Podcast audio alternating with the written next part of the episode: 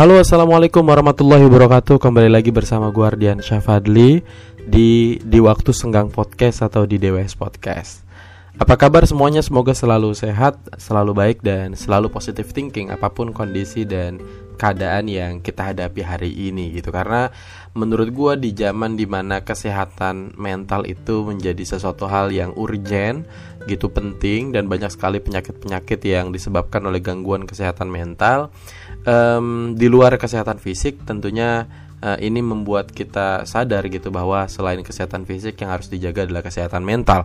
Bahwa betapapun sulitnya kehidupan yang menghimpit kita baik dari sisi ekonomi materi atau apa pun bahkan mungkin Eh, hal-hal yang mungkin kita tidak bisa miliki gitu ya dan kita selalu membandingkan dengan orang lain kayaknya lebih baik kita memikirkan tentang bagaimana menjaga supaya kesehatan mental kita nih bisa tetap terjaga gitu. Bisa supaya tetap sehat tidak overthinking gitu sehingga tidak memunculkan penyakit-penyakit eh, gangguan mental yang tidak kita inginkan di kemudian hari. Jadi itu sangat penting sih menurut gue gitu. Itu pertama gitu. Um, dan sebelumnya di DWS juga gue pernah bahas soal gangguan kesehatan mental dan gue juga punya beberapa cerita eh, orang-orang uh, terdekat yang mengalami hal seperti itu dari mulai yang biasa saja kemudian sampai yang parah banget sampai sulit mengenali dirinya sampai melakukan hal-hal yang unik dan menurut gue aneh gitu. Di satu sisi gue kasihan gitu tapi di sisi lain ya mungkin uh, ini adalah jalannya dan takdirnya gitu temen gue gitu kan yang mungkin dulu satu pesantren gitu tapi ya udahlah um, mungkin gue nggak bisa nyembuhin tapi bagaimanapun gue selalu berdoa semoga uh, dia menjadi yang terbaik dan selalu baik dan selalu sehat dan bisa pulih kembali lagi sebagaimana yang gue kenal sejak dulu gitu. Um, di malam hari ini gue juga nggak sama siapa-siapa gitu kan. Jadi ya tetap sendirian aja gitu bikin konten gitu karena ya tahu sendiri. Karena gue biasa bikinnya bertiga kan gue uh, Bibiu dan Farhan gitu jadi masing-masing dari kita mungkin lagi ada agenda dan lagi ada kesibukan gitu. Jadi ya gue juga lagi iseng juga jadi kayak pengen ngobrol-ngobrol sedikit aja gitu. Jadi mungkin bisa disclaimer bahwa DWS ya emang tempatnya ngobrol bukan tempatnya ngasih nasihat, cari ilmu enggak gitu. Kalaupun ada Eh, kalimat-kalimat uh, yang isinya agak nasehat itu sebenarnya bukan nasehat. Anggaplah itu cuma tongkrongan biasa yang lu bebas bisa mendengarnya, bisa mendebatnya, bisa tidak sepakat ataupun bisa sepakat gitu. Jadi ya kita sama sekali tidak ada dikte sih gitu karena setiap orang pasti punya pilihan dan setiap orang tuh gue yakin um, sebelum memilih sesuatu tuh pasti dia sudah mempertimbangkan resiko apa yang terjadi gitu. Tapi btw gue ngomongnya jadi ngalor ngidul ke mana-mana gitu ya, jadi nggak to the point ya. Namanya juga bahasa basi kan. Kalau bahasa basi tuh ya bisa singkat, bisa panjang gitu. um, Iya di malam hari ini gue mau ngebahas eh, lagi-lagi soal perasaan gitu Di beberapa episode gue sebelumnya Gue juga udah so ngebahas soal cinta, soal perasaan, soal patah hati Yang sebenarnya eh, nggak uh, ada habisnya Iya kan? Karena setiap orang tuh uh, punya perasaan, setiap orang tuh pernah jatuh cinta, pernah patah hati, pernah kasmaran gitu. Jadi uh, gue yakin setiap orang sih dan setiap orang itu maksudnya tidak membeda-bedakan mana orang yang kayak setiap orang tuh pasti punya perasaan gitu. Nah, gue mau ngebahas soal tentang patah hati. Jadi efek dari patah hati banyak. Hmm, orang-orang yang patah hati itu dia mencari penyembuhan atau mencari cara supaya pulih lagi hatinya supaya bisa membuka hati lagi ke orang lain dan bisa uh, melupakan masa lalunya dengan berbagai macam cara gitu. Dan ini uh, menjadi apa ya? Menjadi bukan keresahan sih menjadi sebuah fenomena gitu di mana banyak orang patah hati terutama laki-laki mungkin yang banyak gua kenal ya baik public figure ataupun bukan uh, ataupun circle gua yang ketika dia patah hati dan mencari obat atau mencari pemulih atau pemulihannya itu dilakukan dengan cara jalan-jalan gitu. Sebenarnya kenapa ketika patah hati itu kok orang harus jalan-jalan bukan harus sih. Kenapa orang memilih untuk berkelana, berpetualang ke daerah-daerah yang asing buat dia gitu, ke daerah-daerah uh, ya ke kampung-kampung, ke desa-desa, ke satu wilayah tertentu gitu. Un hanya untuk bisa melupakan seseorang. Um, gue bingung nih, gue mau mulai dari mana ya? Karena gini deh, mungkin gue mulainya dari sebuah bukan sebuah cerita, sebuah fenomena aja gitu.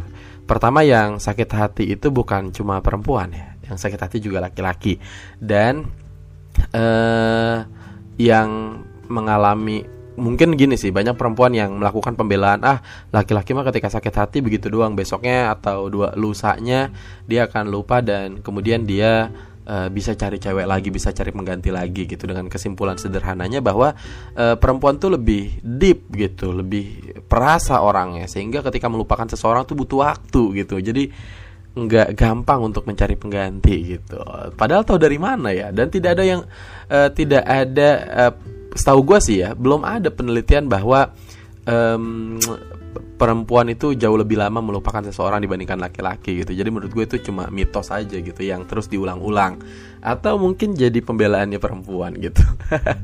Uh, karena gimana ya gue sebagai laki-laki juga pernah patah hati pernah sakit banget gitu pernah ada di posisi yang aduh gue kayaknya udah kehilangan dia dan gue udah nggak punya nilai nih gue aduh bisa apa ke depan gitu. Kayak gue bisa hidup apa enggak gitu. Bukan lebay sih tapi emang posisinya waktu itu gue yang gue rasain itu gitu. Nah eh laki-laki itu patah hati yang gue lihat gitu ya. Maksudnya banyak fenomena di mana mereka ketika patah hati mencari pelariannya atau pemulihannya dengan cara jalan-jalan gitu. Dia berkelana gitu jadi setelah putus cinta. Ada seorang public figure gitu um, yang alasannya kenapa dia jalan-jalan atau dia berkelana keluar daerah? Karena buat dia satu wilayah itu sering kali mengingatkan uh, tentang masa lalunya. Misalnya dia hidup di Bandung gitu kan. Kemudian dia pacaran di Bandung dia jalan-jalan di Bandung, dia makan, dia, dia bertamasya, dia foto-foto, dia mengunjungi lokasi-lokasi yang estetik, estetik, lokasi-lokasi yang estetik dan chill gitu kan di Bandung gitu. Jadi kalau dia harus di Bandung lagi, sementara perempuannya sudah entah ke mana gitu, atau dia udah putus gitu. Jadi Bandung tuh jadi malah tempat yang jahat gitu, tempat yang selalu mengingatkan dia ke e, masa lalunya, tempat yang selalu memenjarakan dia gitu pada ruang-ruang uh, memori dia gitu kisah cinta dia dengan perempuan itu gitu. Ya iya sih karena kalau dia main misalnya ke mana ke satu tempat ke tempat kopi gitu gue yakin dia pasti akan terbayang bahwa di depan dia tuh ada mantannya gitu kan di depan dia ada ceweknya di masa lalu gitu dia ngobrol gitu. Jadi kadang begitu. Jadi dia alasannya kenapa berkelana adalah bahwa satu tempat tuh sering kali mengingatkan kita pada masa lalu gitu. Makanya untuk bisa melupakan seseorang gitu maka uh, uh, pilihan salah satu opsinya adalah meninggalkan tempat-tempat yang berkesan yang pernah dilalui gitu dan tidak uh, bukan tidak datang lagi ke tempat itu gitu tapi lebih uh, memilih tempat lain gitu sebagai sebagai upaya pemulihan gitu healing gitu. Nah um, karena ternyata setelah disadari misalnya seseorang pergi ke tempat lain, ke suatu daerah misalnya ke Labuan Bajo atau ke daerah-daerah lain gitu, mereka kan banyak belajar pastinya dari kehidupan gitu. Dan banyak kok yang belajar bahwa oh ternyata apa yang dia rasakan misalnya putus cinta kemudian berkelana itu ternyata lebay gitu karena dia melihat banyak sekali bersentuhan dengan masyarakat di daerah yang kondisinya jauh lebih sulit gitu, baik sulit ekonominya, sulit akses kehidupannya gitu, sulit pendidikannya, kesehatannya dan beragam kesulitan lainnya gitu. Nah di situlah uh, akhirnya mereka menemukan uh, satu kesadaran gitu, satu pencerahan gitu bahwa ternyata apa yang dia lakukan selama ini ternyata lebay ya gitu. Gue cuma putus cinta harus berkelana gitu, sementara orang-orang di daerah dengan kesulitan yang menghimpit dia tidak ada pilihan lain selain bertahan hidup gitu ya dengan dengan kondisi yang seadanya dia tetap konsisten di satu tempat gitu. Percaya pada alam percaya pada semesta percaya pada Tuhan bahwa uh, segalanya pasti akan berlangsung dengan cara yang baik-baik saja gitu. Jadi banyak sih eh, hal-hal uh, yang seperti itu gitu. Nah uh, kejadian di mana laki-laki ketika patah hati kemudian berkelana ini bukan dialami oleh satu orang gitu. Dan dialami oleh beberapa orang public figure gitu. Dan mungkin kita, gua, lu dan kita semua adalah salah satunya. Kalau gua juga merasakan itu sih. Misalnya gua waktu itu punya pacar di daerah Sukabumi gitu ya. Sukabumi adalah kampung gua gitu dan eh, tempat itu adalah lokasi di mana gua eh, pacaran sama dia gitu ya, jalan sama dia, makan sama dia gitu. Sehingga ketika gua pulang ke Sukabumi dan gua mengunjungi tempat-tempat yang pernah dulu gua datengin sama mantan gitu, itu jadi keinget men. Jadi terulang sebuah memori yang menurut gue ini nggak baik sih gitu. Um, jadi gue berasa kayak ngobrol sendiri gitu ya kan? Maksudnya kayak ngobrol dalam hati gitu dan gue membayangkan bahwa di tempat duduk gue tuh di depannya tuh ada dia gitu. Nah itu uh, buat gue kayaknya nggak banget sih. Untungnya uh, walaupun kamu gue di Sukabumi gitu ya mobilitas atau aktivitas gue di Jakarta gitu sehingga gue tidak perlu punya upaya keras untuk pindah ke daerah-daerah lain gitu atau meninggalkan Sukabumi. Toh karena gue sejak kecil tidak ada di Sukabumi gitu kan jadi di Jakarta gitu. Jadi uh, menurut gue aman lah gitu. Makanya sebuah tempat tuh kayaknya erat banget dengan sebuah kenangan dengan cerita gitu. Kalau ceritanya tentang suka uh, tentang keseruan gitu. Kayaknya kita bakal balik lagi ke situ dan kita kangen tempat itu gitu. Tapi kalau uh, ceritanya tentang duka tentang kesedihan tentang patah hati gitu tentang ditinggalkan tentang dilupakan gitu tentang ditanggalkan tentang ditidakanggapkan gitu oleh seseorang kayaknya tempat itu uh, layak untuk menjadi tempat yang uh, kita warnai zona merah gitu ya kan.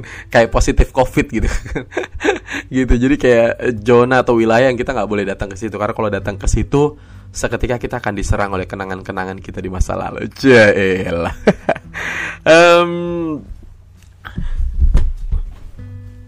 gini uh, ya tadi gue bilang ini kan adalah sebuah fenomena gitu ya. Walaupun sebenarnya ketika patah hati itu eh, nggak uh, melulu harus jalan-jalan nggak melulu harus berkelana gitu. Tapi biasanya yang gue rasakan adalah patah hati kan persoalan emosional ya. Kalau dulu mungkin dalam konteks tulisan bahwa tulisan terbaik itu lahir dalam dua kondisi. Gue ingat betul.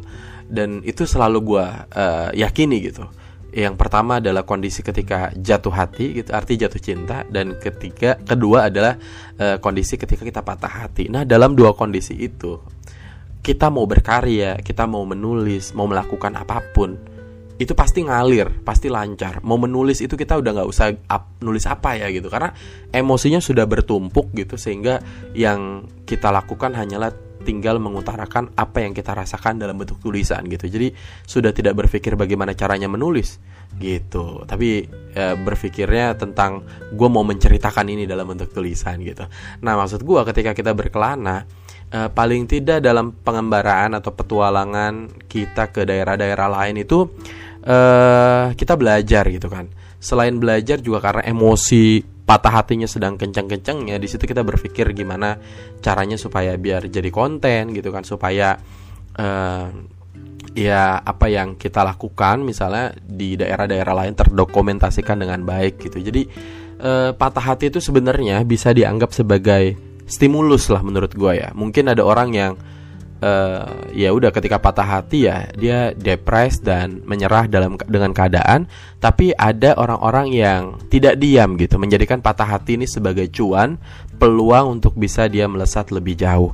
Nah kalau gua coba untuk balik pada sebuah cerita mungkin di masa lalu mungkin ini fiktif ya dan ini sudah difilmkan misalnya film tenggelamnya kapal Van der Wijk itu mungkin teman-teman bisa pernah nonton ya film itu karyanya Buya Hamka kalau nggak salah Nah dalam film itu yang gue ambil adalah si Zainuddin ini kan tokoh utamanya. Dia suka pada Hayati tapi Hayatinya sudah dipinang atau dinikahkan atau nikah dengan orang lain gitu. Nah ketika dia di daerah dan dia patah hati tidak mendapatkan uh, hatinya cinta cinta dan hatinya sih dapat gitu tapi intinya nggak bisa nikah sama si Hayati akhirnya Zainuddin memutuskan untuk uh, bertualang gitu atau berkelana pindah ke daerah Jawa tepatnya di Jakarta atau di Jogja atau di mana pun lah gitu ya ke daerah lain gitu dan meniti karir gitu. Karena buat laki-laki ketika patah hati yang dipikirannya adalah gimana caranya supaya kita bisa membuktikan bahwa kita adalah sosok laki-laki yang terbaik yang ketika dia tidak menerima kita atau mungkin uh, dia meninggalkan kita begitu saja gitu Uh, kayaknya ada rasa ingin membuktikan bahwa lu tuh bakal nyesel gitu ninggalin kita ya gak sih? Gue yakin setiap orang kayaknya begitu deh tapi itu terlalu egois sih. Tapi ya nggak apa-apa juga sih. Namanya juga dalam posisi dan kondisi yang seperti itu ya. Karena menurut gue ya siapa lagi yang akan menyelamatkan diri kita di saat depresi selain kita sendiri gitu. Maka ya udahlah penuhi aja dengan ego-ego yang kita lakukan gitu. Yang penting produktif intinya gitu sih sebenarnya. Nah di Zainuddin itu kan begitu kan. Akhirnya dia pindah ke Jakarta kemudian dia meniti karir jadi wartawan ya kan. Kemudian ya akhirnya intinya dia jadi konglomerat jadi orang kaya lah gitu. Dan di endingnya uh, nyesak banget sih ketika Hayati itu ingin balik lagi ke pangkuan Zainuddin tapi Zainuddin akhirnya menolak dan ya udah disuruh balik begitu saja. Tapi menurut gue itu epic sih, bukan epic sih maksudnya kalau di game itu namanya combo gitu ya, combo 12 apa gitu. Jadi dalam banget gitu uh, pembalasannya gitu. Nah, uh, selain itu ada juga sebuah perkataan hukama gitu ya, atau orang bijak gitu atau uh, ulama gitu. Ada namanya Al Imam Syafi'i, beliau adalah seorang ahli hadis dan kalau gue dulu di pesantren itu sering banget tuh ngafalin uh, mahfuzot atau kata-kata mutiara yang beliau pernah utarakan gitu. Salah satunya adalah uh, bunyinya gini nih. Itu sebenarnya menurut gue tentang petualangan dan tentang perjalanan sebenarnya. Dia bilang uh, Safir tajid iwadon aman tufariku. Dia bilang fa inna ladzi dal nasabi ini ro'aitul ma'a ini ro'aitul fal ma'a yufsidu gitu. Wa ini yajri yasih atau apalah intinya gitu. Tapi yang artinya adalah bahwa dia bilang uh, safir dia bilang. Siapa pun kita siapa pun kalian ya safir bertualang lah gitu. Safir Tajid Iwadun Aman Tufariku Bertualanglah kita ke daerah mana pun, ke mana pun, ke negara mana pun Ke wilayah mana pun gitu. Tajid Iwadun Aman Tufariku Maka kita akan mendapatkan apa ya pengganti dari apa yang kita tinggalkan. Kalau bisa ini kan misalnya gini, kalau kita pindah misalnya dari satu tempat ke tempat lain, kita akan meninggalkan banyak hal. Kawan kita tinggalkan, pertemanan kita tinggalkan, tongkrongan kita tinggalkan gitu, saudara kita tinggalkan gitu. Tapi dia bilang ya kan? Dia bilang e, tajid iwadon aman tufareko pasti di satu tempat kita akan mendapatkan keluarga yang baru teman yang baru gitu. Nah maksud gua dalam konteks ini kalau kita bisa kaitkan atau kita bisa kiaskan dalam bahasa agamanya e, bisa saja ya bertualanglah kalian gitu ya. Mungkin yang dalam sedang patah hati sedang sakit hati gitu. Karena kalian akan mendapatkan pengganti. Penggantinya tuh bisa uh, dari sakit menjadi sembuh ya kan? Penggantinya tuh bisa dari yang ditinggalkan seseorang bisa mendapatkan seseorang yang baru di wilayah lain kayak gitu ya kan? Jadi ini adalah perkataan yang sudah lama banget diucapkan oleh ulama gitu oleh uh, ahli hadis gitu. Dan gue percaya itu sih sebenarnya. Terus kemudian dia bilang fa inna ladzi dal nasabi. Karena sesungguhnya kenikmatan kesenangan sebuah kehidupan itu biasanya ada di daerah-daerah lain gitu di tempat-tempat lain gitu. Ini juga yang mengisyaratkan kayaknya ini juga mengisyaratkan kayak gini. Untuk bisa mendapatkan uh, penghormatan di daerah sendiri kayaknya lebih sulit. Jauh lebih sulit dibandingkan kita mendapatkan uh, kemuliaan penghormatan di daerah yang asing gitu karena daerah kita kan orang tahu kita gitu kan orang tahu bandelnya kita kayak gimana gitu. Dan orang tuh kadang nggak peduli ketika kita berubah menjadi baik gitu karena di, yang dia inget tuh selalu bandelnya gitu kan. Tapi di daerah yang asing yang entah baranta yang kita nggak pernah tahu itu daerah mana dan kita menjadi orang baru di dalamnya gue yakin setiap orang akan jauh lebih menghargai dan setiap apa yang kita lakukan misalnya kebaikan uh, akan mendapatkan uh, kemuliaan gitu ya kan? Terus dia bilang gini lagi yang menurut gue juga filosofis sih. Dia bilang ini roaitul wuku falma uh, yufsidu. Saya melihat air yang diem air diem tuh maksudnya air yang misal kayak ada di ember dan dia nggak bergerak atau nggak mengalir itu yufsidu merusak. Kenapa merusak? Karena banyak banget penyakitnya men. Kalau kita lihat air-air yang diem di ember atau di empang gitu yang dia nggak bergerak itu banyak jentik nyamuk menjadi sarang penyakit dan berbahaya banget gitu. Ya kan? Makanya ada istilah um, diam-diam menghanyutkan. Iya gak sih? Uh, ya sama maksudnya kita kadang lebih ngeri dengan air yang diem. Karena kalau air diem tuh ya bisa jadi di dalamnya ada buaya ada apa. Tapi kalau air yang mengalir kayaknya uh, jauh lebih lebih ya tidak membahayakan justru gitu. Nah, sebaliknya dia mengucapkan bahwa sementara air yang ngalir gitu ya, air yang bergerak dari hulu ke hilir kayak air sungai, air kali gitu. Mereka tuh dinamis gitu. Mereka mungkin ditempa dengan banyak batuan gitu, tapi mereka bergerak sehingga tidak ada jentik nyamuk, tidak ada sarang penyakit gitu sih. Um, itu menurutku perkataan yang sebenarnya kita bisa cocokologi atau kita kiaskan pada konteks ini gitu ya konteks patah hati konteks cinta gitu. Karena menurut gua ketika kita di satu daerah yang itu mengingatkan kita pada masa lalu gitu itu kan justru menjadi penyakit kan buat kita. Artinya akhirnya kita kepikiran gitu kan. Kita malah menambah daftar waktu depresi kita gitu. Nah itu kan tidak boleh gitu. Maka cara terbaik adalah bergerak gitu mencari pengganti atau mencari hiburan lain gitu melupakan sejenak meninggalkan uh, apa yang pernah kita lalui gitu. Karena buat gua adalah uh, masa lalu itu bisa tergantikan. Gini masa lalu itu nggak bisa dilupakan. Semakin orang berupaya melupakan masa lalu, maka semakin dia diingatkan oleh masa lalu. Nah, makanya karena tidak bisa dilupakan, masa lalu tuh emang nggak boleh dilupakan gitu. Karena walaupun kita tidak menjadi misalnya, uh, maksud tidak jadi dengan mantan kita atau nggak jadi apa ya, nggak jadi suaminya gitu ya, tidak menjadi tambatan hatinya hingga menikah gitu. Tapi paling tidak, walaupun putus dan berakhir, kita tidak menafikan dong bahwa uh, apa yang telah dilalui itu menjadi sesuatu hal yang positif gitu. Banyak perlakuan-perlakuan baik yang mantan sering lakukan gitu kan. Mulai ngingetin sholat nyapa kita setiap pagi mungkin nganterin makanan. Itu kan hal-hal yang kita harus apresiasi gitu dan harus kita kenang selalu gitu bagaimanapun gitu. Ya, mungkin bukan takdirnya gitu tapi eh hal-hal seperti itu tuh kayaknya layak deh untuk diapresiasi. Bagaimanapun kita harus mengapresiasi bahwa masa lalu adalah orang-orang yang bentuk kita menjadi dewasa gitu. Menjadi kita yang seperti ini, menjadi kita yang lebih paham, lebih dewasa, lebih mengerti tentang uh, menghargai uh, perasaan seseorang gitu. Itu sih sebenarnya yang kayaknya kita nggak boleh menafikan hal seperti itu. Um, apalagi ya? Jadi eh, itulah banyak sekali gitu. Jadi pelariannya tuh ada orang yang berkelana. Kemudian sekarang tuh malah trennya patah hati berkelana tapi ngonten gitu. Ada yang motoran gitu kan, ada yang dia motovlog gitu ya kan ke daerah-daerah lain gitu. Tapi dari situ akhirnya dia belajar gitu karena e, menurut gue masa lalu itu yang tadi gue bilang ya tidak bisa dilupakan tapi dia bisa dialihkan alihkannya dengan cara apa? Dengan cara melakukan aktivitas lain gitu.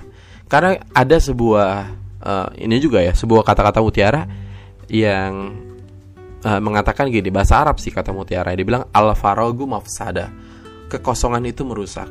Kalau kita tidak melakukan apa-apa dalam kondisi kita sedang patah hati gitu, sedang sakit hati, sedang sakit hati, itu mafsada. Mafsada itu merusak merusak tuh maksudnya ya waktu kita jadi terbuang begitu saja kita jadi nggak produktif kita jadi terlena dengan masa lalu sementara kita tidak berkembang gitu jadi itu hal-hal yang mestinya harus dihindari gitu. Nah makanya peralihannya adalah untuk mengalihkan supaya kita tidak ingat masa lalu melakukan aktivitas-aktivitas lain gitu. Ya tadi bisa bikin konten gitu ya melihat pemandangan yang indah gitu ya bercengkrama dengan warga-warga lokal masyarakat adat gitu apa namanya bersentuhan dengan keseharian mereka. Itu menurut gue jauh lebih asik dan menyenangkan sih. Dengan cara seperti itu mungkin mungkin ya masa lalu akan uh, jauh jaraknya dari ingatan-ingatan kita gitu sih sebenarnya. Paling mungkin pas malamnya aja sih pas pengen tidur kayak kayaknya kita inget lagi gitu. Ya ampun gue sejauh ini jalan ya kan keliling keliling-keliling gitu hanya untuk melupakan masa lalu. Ya nggak apa-apa juga sih.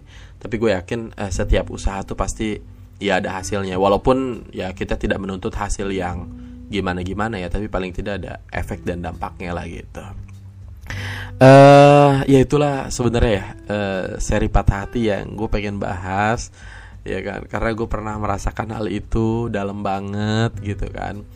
Um, mungkin waktu itu juga sama temen gue kayak isi Hardi lebay banget gitu. Patah hati kok sampai segininya gitu sampai depres banget gitu. Sampai ya jalan-jalan sendiri kemudian traveling sendiri gitu. Walaupun gue tidak se ekstrim mereka-mereka yang sampai keluar uh, pulau gitu enggak sih. Gue paling ya ke Bandung terus ke puncak ke mana yang kayak gitu-gitu lah gitu. tapi sebenarnya itu adalah usaha gue untuk bisa uh, apa ya uh, mengalihkan kenangan-kenangan itu sebenarnya. Gitu. Karena ini menurut gue patah hati adalah persoalan waktu. Pada akhirnya akan datang orang baru yang bisa menggantikan itu. Pada akhirnya kita akan uh, bisa mengukir mengu uh, mengukir kenangan-kenangan yang baru yang lebih manis yang uh, dia adalah pilihan kita mungkin yang disiapkan oleh Tuhan gitu di masa mendatang gitu. Jadi uh, ketika waktunya sudah tiba maksudnya waktu di mana kita sudah tidak ada rasa sakit lagi gitu sudah tidak berat lagi melepas dia gitu dengan orang lain di situlah kita bisa tersenyum gitu. Ya nggak sih? Tersenyum karena kita udah bebas gitu udah ya ampun akhirnya uh, apa yang eh, gue lakukan untuk uh, upaya apa ya menyembuhkan luka ini sudah selesai gitu gue sudah dengan orang lain itu kan akhirnya akan menjadi cerita kan gitu. Bahkan bagus-bagus kalau menjadi karya gitu. Cuma yang menjadi catatan bagi gue adalah ketika um, ya tadi patah hati biasanya gini ada istilah yang mengatakan kalau lo patah hati sembuhkan dengan menumbuhkan perasaan di hati orang lain. Iya gak sih? Artinya ketika lo putus cinta lo pacaran lagi sama orang yang baru Dan itu sudah pernah gue lakukan men.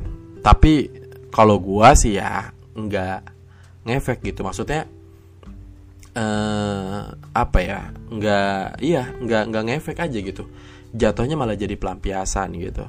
Jadi kita ngajak orang dalam posisi emosi kita masih sayang sama orang lain terus kita ngajak orang baru dengan harapan hati kita perasaan kita tiba-tiba bisa pindah gitu secara langsung ke dia gitu kayaknya susah gitu. Karena menurut gua hati itu bukan wifi gitu kan. Hati itu bukan hotspot di mana kalau sudah di luar jangkauannya kita bisa alihkan ke uh, handphone yang lain gitu. Jadi nggak seperti itu sih. Jadi hati itu benar-benar sangat pelik gitu. Dan patah hati itu ya bukan cuma perempuan yang merasakannya tapi laki-laki juga merasakan semua orang pasti merasakan rasa sakit hati gitu ya patah hati gitu. Dan ini dirasakan oleh uh, orang berbagai kalangan gitu. Mulai dari bocil-bocil gitu ya. Kalau kita lihat di TikTok tuh banyak banget anjir. Bocil-bocil pacaran gitu dengan gayanya yang unyu-unyu. Gue pernah nemu ya. Anak kecil loh nangis. Jadi dia putus terus dia video call terus nangis-nangis.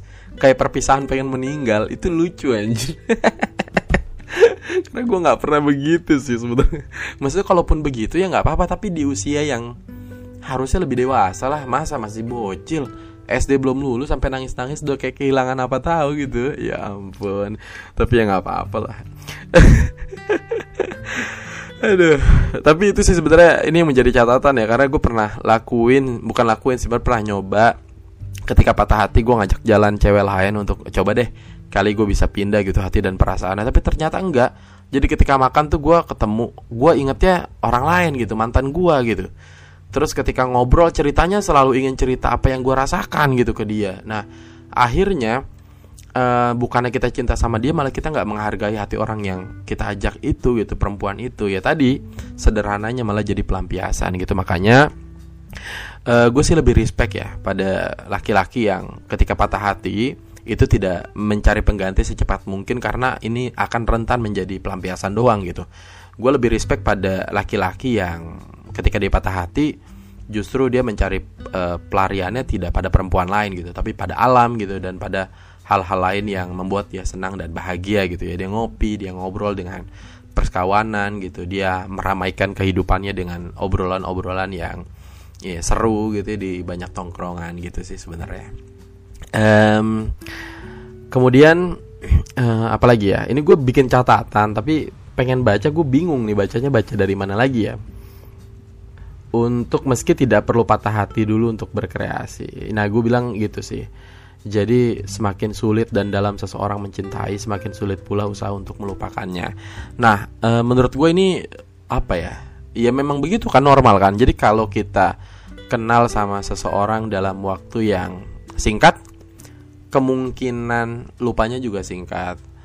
Begitupun sebaliknya kalau kita jauh lebih lama gitu ya kenal sama seseorang dan menjalani banyak hal gitu eh, kemungkinan lupanya juga akan sangat lama dan butuh effort yang keras banget gitu. Walaupun sebenarnya ini tidak apa ya, tidak menjadi patokan secara umum gitu karena menurut gua pacaran tuh bukan soal waktu, men mau waktu lu selama apa pun kalau intensitasnya kurang maksud gue intensitas tuh aktivitas atau waktu yang kita habiskan sama pasangan kita atau pacar kitanya nggak terlalu lama gitu jadi ya sama aja bohong dong gitu. Kenangan yang nggak ada ya kan? Apa yang mau dikenang gitu? Jalan aja jarang gitu. Ya kan? Bahkan si ceweknya sering dilupain atau si cowoknya juga sering diabaikan gitu. Jadi kayak ya udahlah gitu.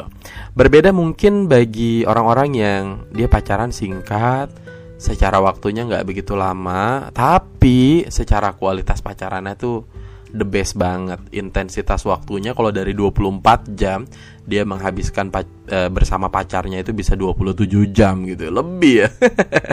Enggak enggak maksud gue intinya lama lah gitu. E, intensitas ketemunya lama gitu ya bercanda-bercanda jalan-jalan ke mana gitu. Dan itu dilakukan sesering mungkin gitu